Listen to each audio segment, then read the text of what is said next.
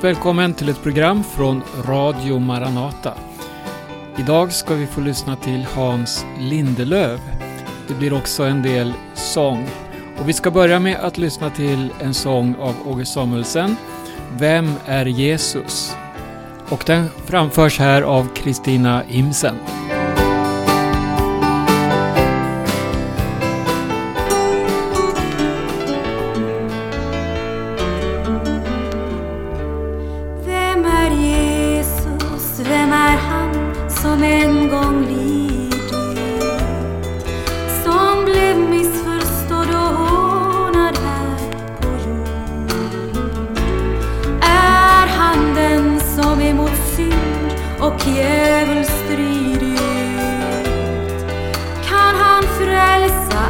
som på honom tror. Han är gudasonen som all makt är given krönt med ära och konung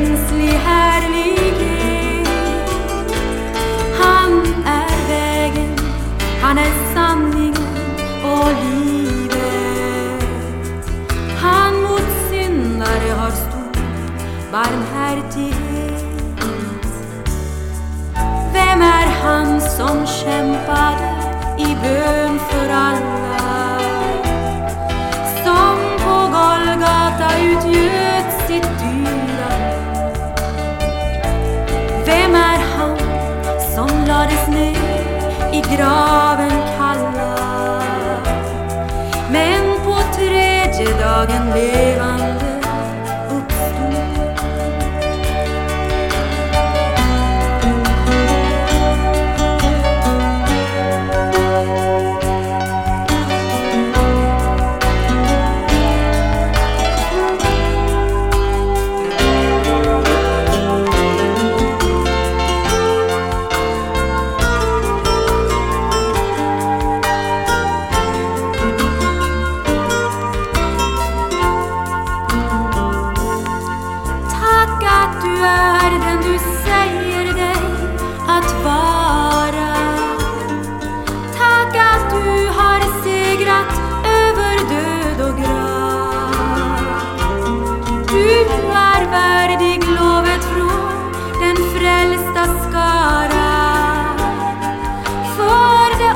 varför du för världens synder gav. Du är Gudasonens alltså son, all makt är given, krönt med ära och honor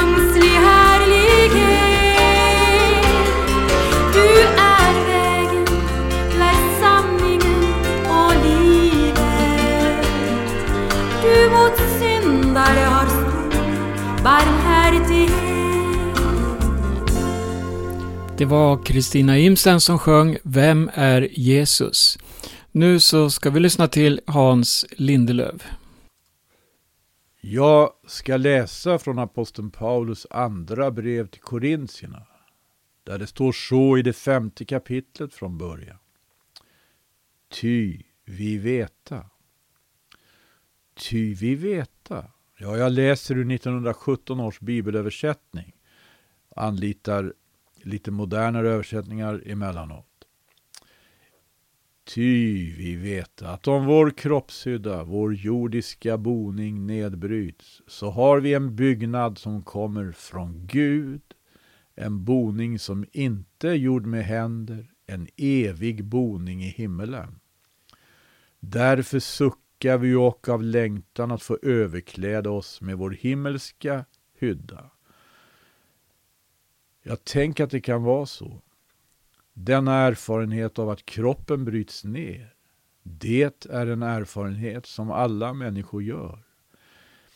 Här skriver aposteln med ord som har andas tro. Vi vet, skriver han. Vi vet att om vår kroppshydda, vår jordiska boning bryts ner, så har vi en byggnad som kommer från Gud, en boning som inte är gjord med händer. Apostlarnas första predikningar handlade om detta. Vi kan till exempelvis läsa i Apostlagärningarnas andra kapitel där Simon Petrus talar på pingstdagen. Jag går rätt in i hans predikan i den 22 versen. Ni män av Israel, hör dessa ord. Jesus från Nasaret, en man som inför er fick vittnesbörd av Gud genom kraftgärningar och under och tecken, vilka Gud genom honom gjorde bland er, så som ni själva vet. Denne som blev given ert våld enligt vad Gud i sitt rådslut och sin försyn hade bestämt. Honom har ni genom män som inte veta av lagen låtit fastnagla vid korset och döda. Jag gör ett litet uppehåll här i Petrus predikan. Det fanns ju det som kände till lagen. Det var översteprästerna och de skriftlärde. Men det överlämnade Jesus bunden åt dem som inte kände till Guds lag, till romarna. Och det var romarna som fastnaglade Herren vid korset. Petrus fortsätter. Men Gud gjorde en ände på dödens vånda och lät honom uppstå eftersom det inte var möjligt att han skulle kunna behållas av döden.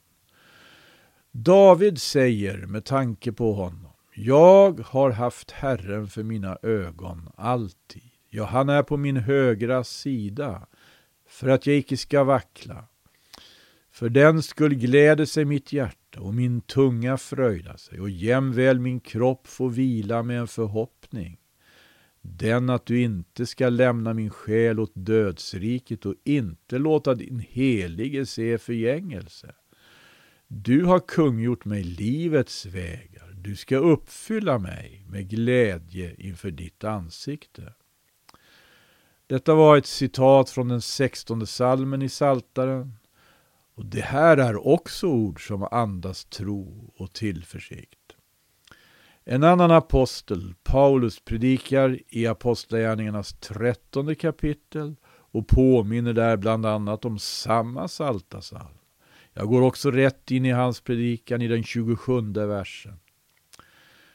Ty eftersom Jerusalems invånare och deras rådsherrar inte kände honom uppfyllde de och genom sin dom över honom profeternas utsagor, vilka var sabbat föreläses.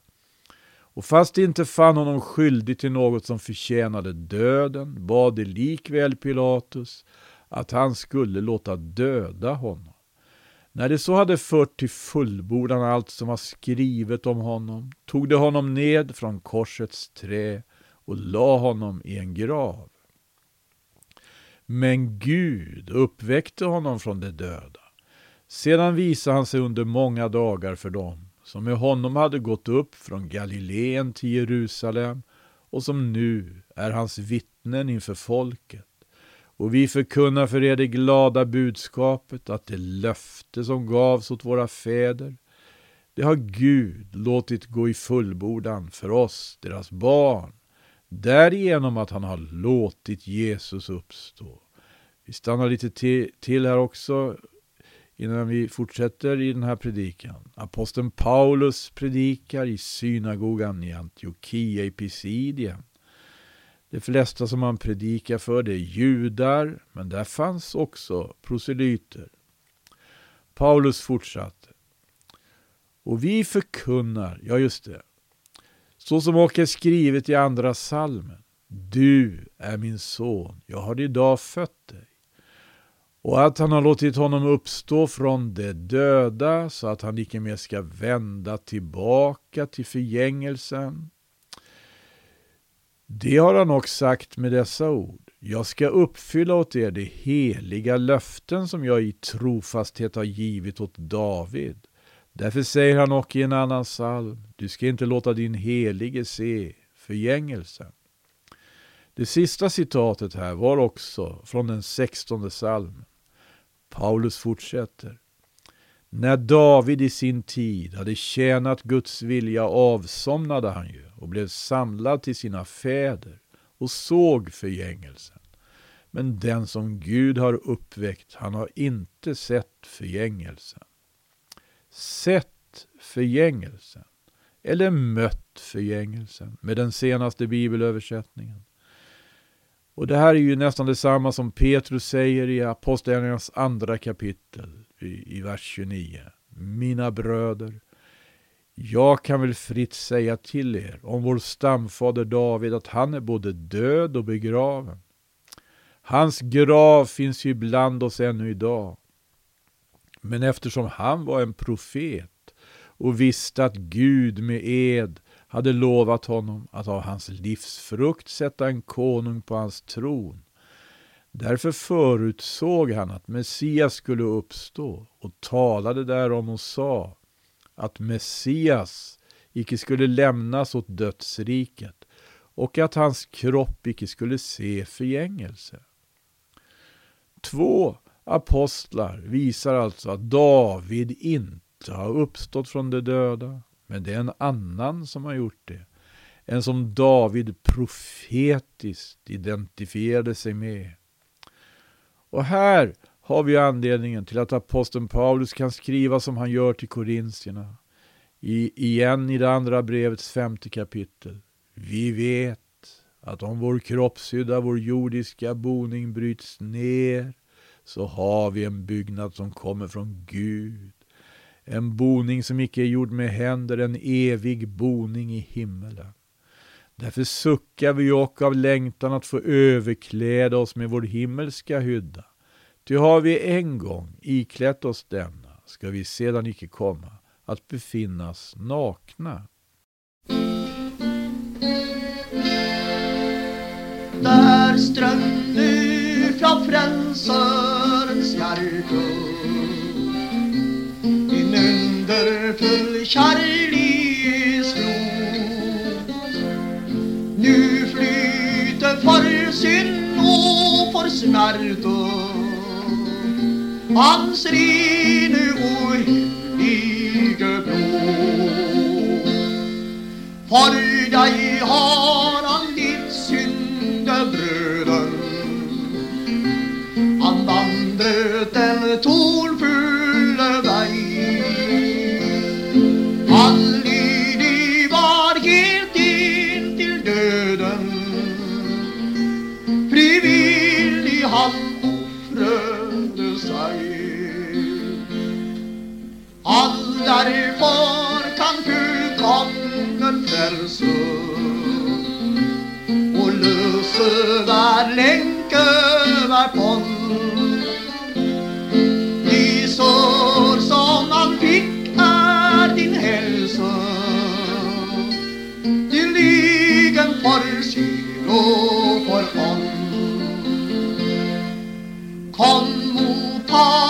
förlösning av nåde Han kallar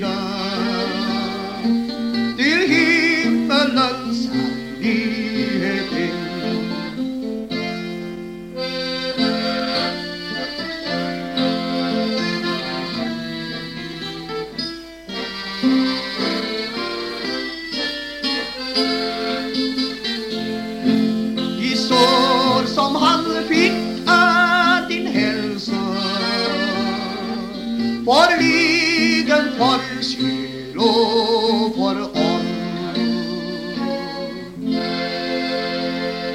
Ära vare Gud, det finns en kropp som inte har mött förgängelsen. Det är Jesu kropp.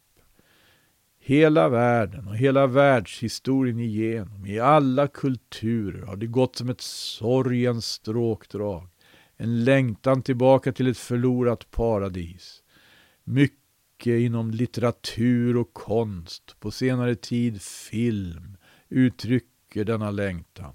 Man vill på något vis ta sig tillbaka genom ett förlorat paradis stängda port. Men den porten är stängd.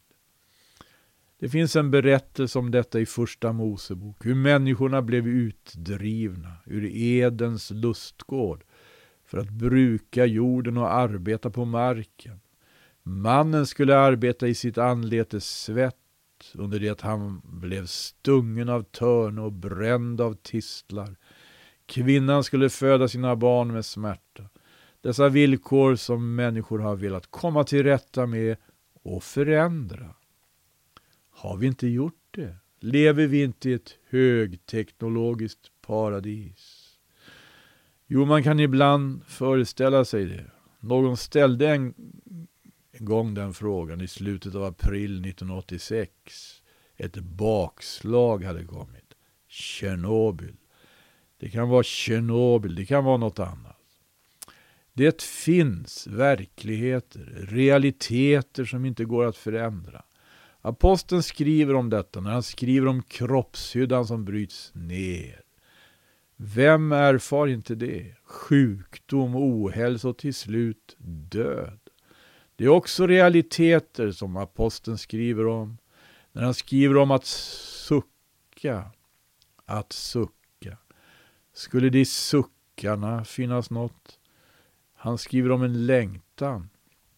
Ja, just hos denna apostel och hos dem som tar emot hans budskap så finns det i suckarna över att ha hamnat i detta tillstånd i världen där vi måste möta förgängelsen en längtan. Det finns en längtan därför att det finns ett hopp.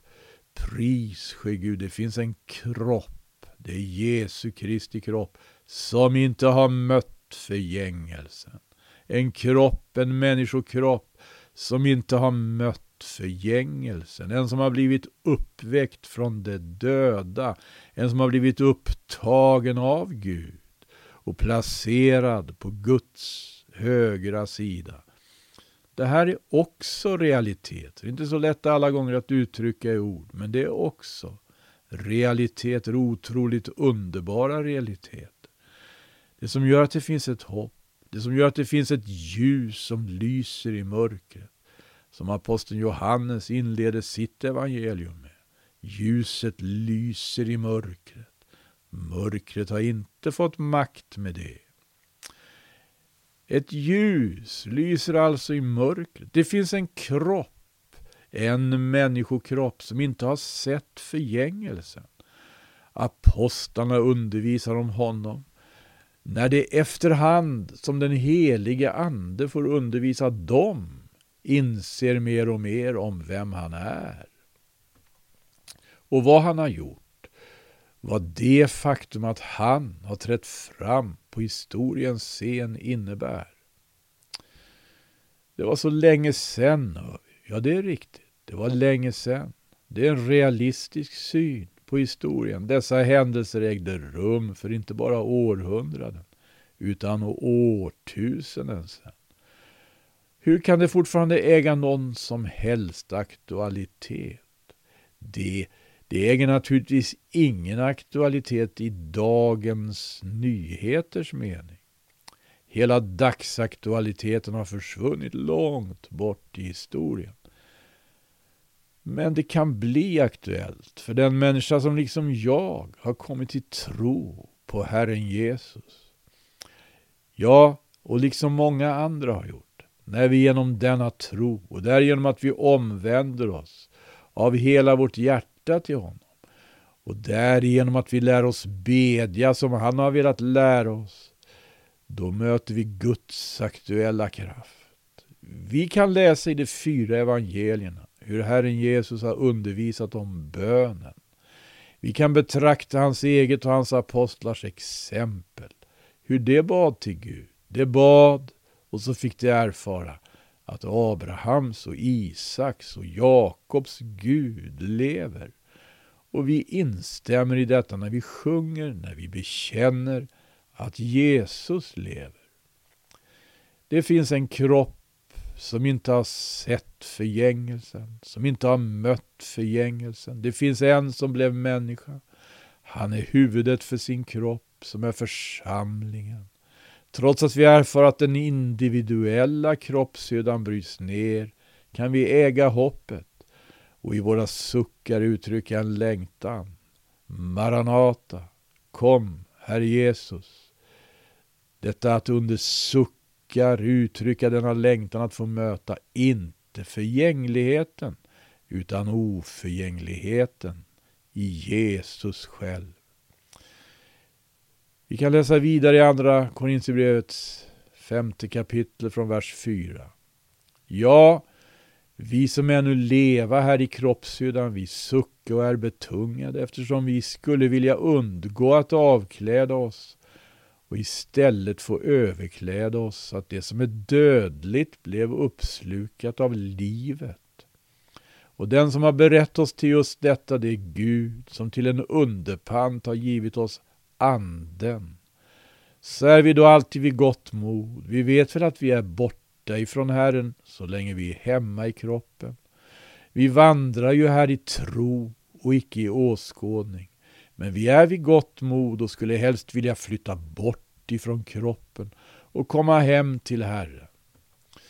Därför söker vi och vår ära i att vara honom till behag, vare sig vi är hemma eller borta. Vi måste ju alla sådana vi är träda fram inför Kristi domstol för att var och en ska få igen sitt jordelivs gärningar allt eftersom han har handlat vare sig han har gjort gott eller ont. Jag har klivit rätt in i apostlarnas predikningar. Och jag får skylla mig själv. Det finns sånt som inte är särskilt bekvämt i dessa predikningar. Tänk att han, som historiskt sett kan te sig som en flämtande låga någonstans långt bort i tiden, är den som vid sin tillkommelse ska uppenbaras med en eld som denna världen, som detta universum inte kan värja sig mot. Till Thessalonikerna skriver aposteln i det andra brevets första kapitel femte versen. Guds dom blir rättvis. Ja, det skriver han. Guds dom blir rättvis. Och han fortsätter i sjunde versen. När Herren Jesus uppenbarar sig från himmelen med sin maktsänglar i lågande eld och låter straffet drabba dem som inte känner Gud och de som inte är vår Herre Jesu evangelium hörsamma. Det här är inget modernt tänkande, men det är en uppfattning som inte får gå förlorad för oss. Eftersom det tillhör sanningen om Jesus det tillhör sanningen om den kropp som inte har mött förgängelsen, som inte har sett förgängelsen. Vi måste ta vara på den sanningen. I andra Korinthierbrevet, i det sjätte kapitlet står det men såsom medarbetare förmanar vi er och att inte så mottaga Guds nåd att det blir utan frukt. Han säger ju jag bönhör dig i behaglig tid och jag hjälper dig på frälsningens dag. Se nu är den välbehagliga tiden. Se nu är frälsningens dag.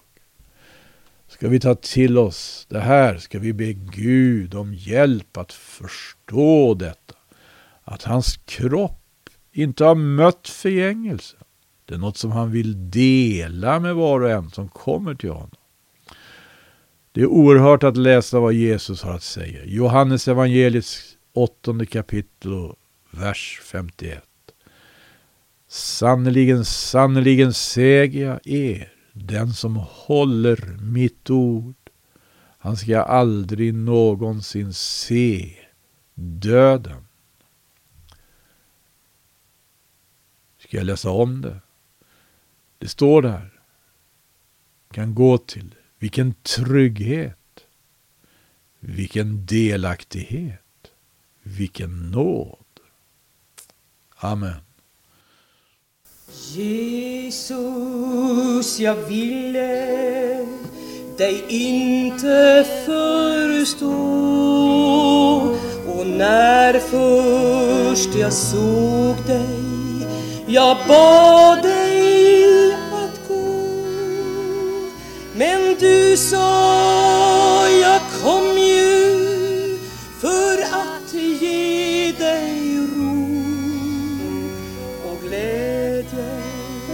och trygghet får du hos mig då?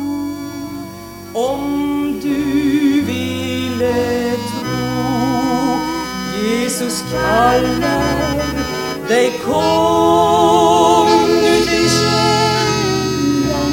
Kom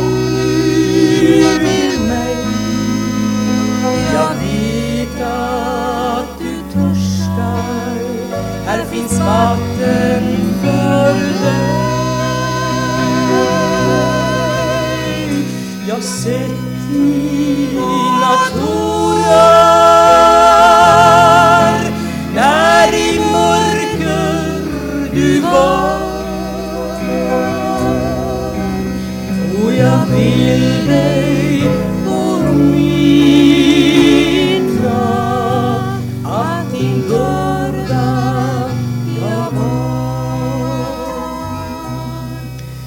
kärlek är gränslös som rymden den är. Och när jag sa Jesus ja då var du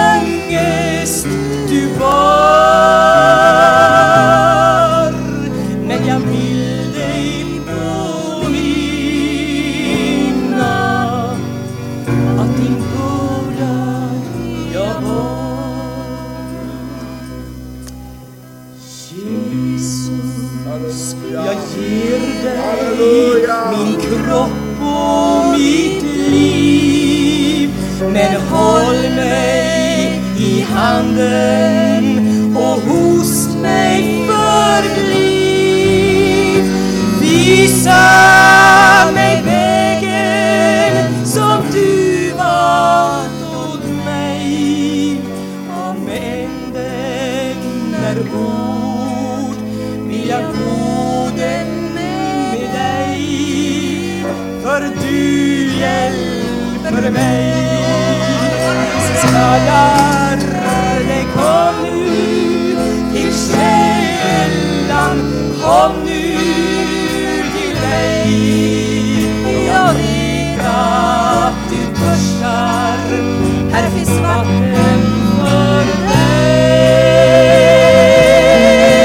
Till Radio Maranata. Vi har hört Hans Lindelöv tala i det här programmet. Och nu hör vi Kickan Sundström och Ulla Kristensen sjunga den här oerhörda sången om Jesus. Jesus kallar dig, kom. Radio Maranata Stockholm. Vi sänder varje morgon klockan 8, måndagar klockan 18 och fredagar klockan 19.30. För en fullständig lista på sändningstiderna kan du gå in på församlingens hemsida maranata.se. Vi önskar er alla Guds rika välsignelse på återhörande. Du kom till mig, du bar bort min börda och nu är jag din tiden när vi Halleluja!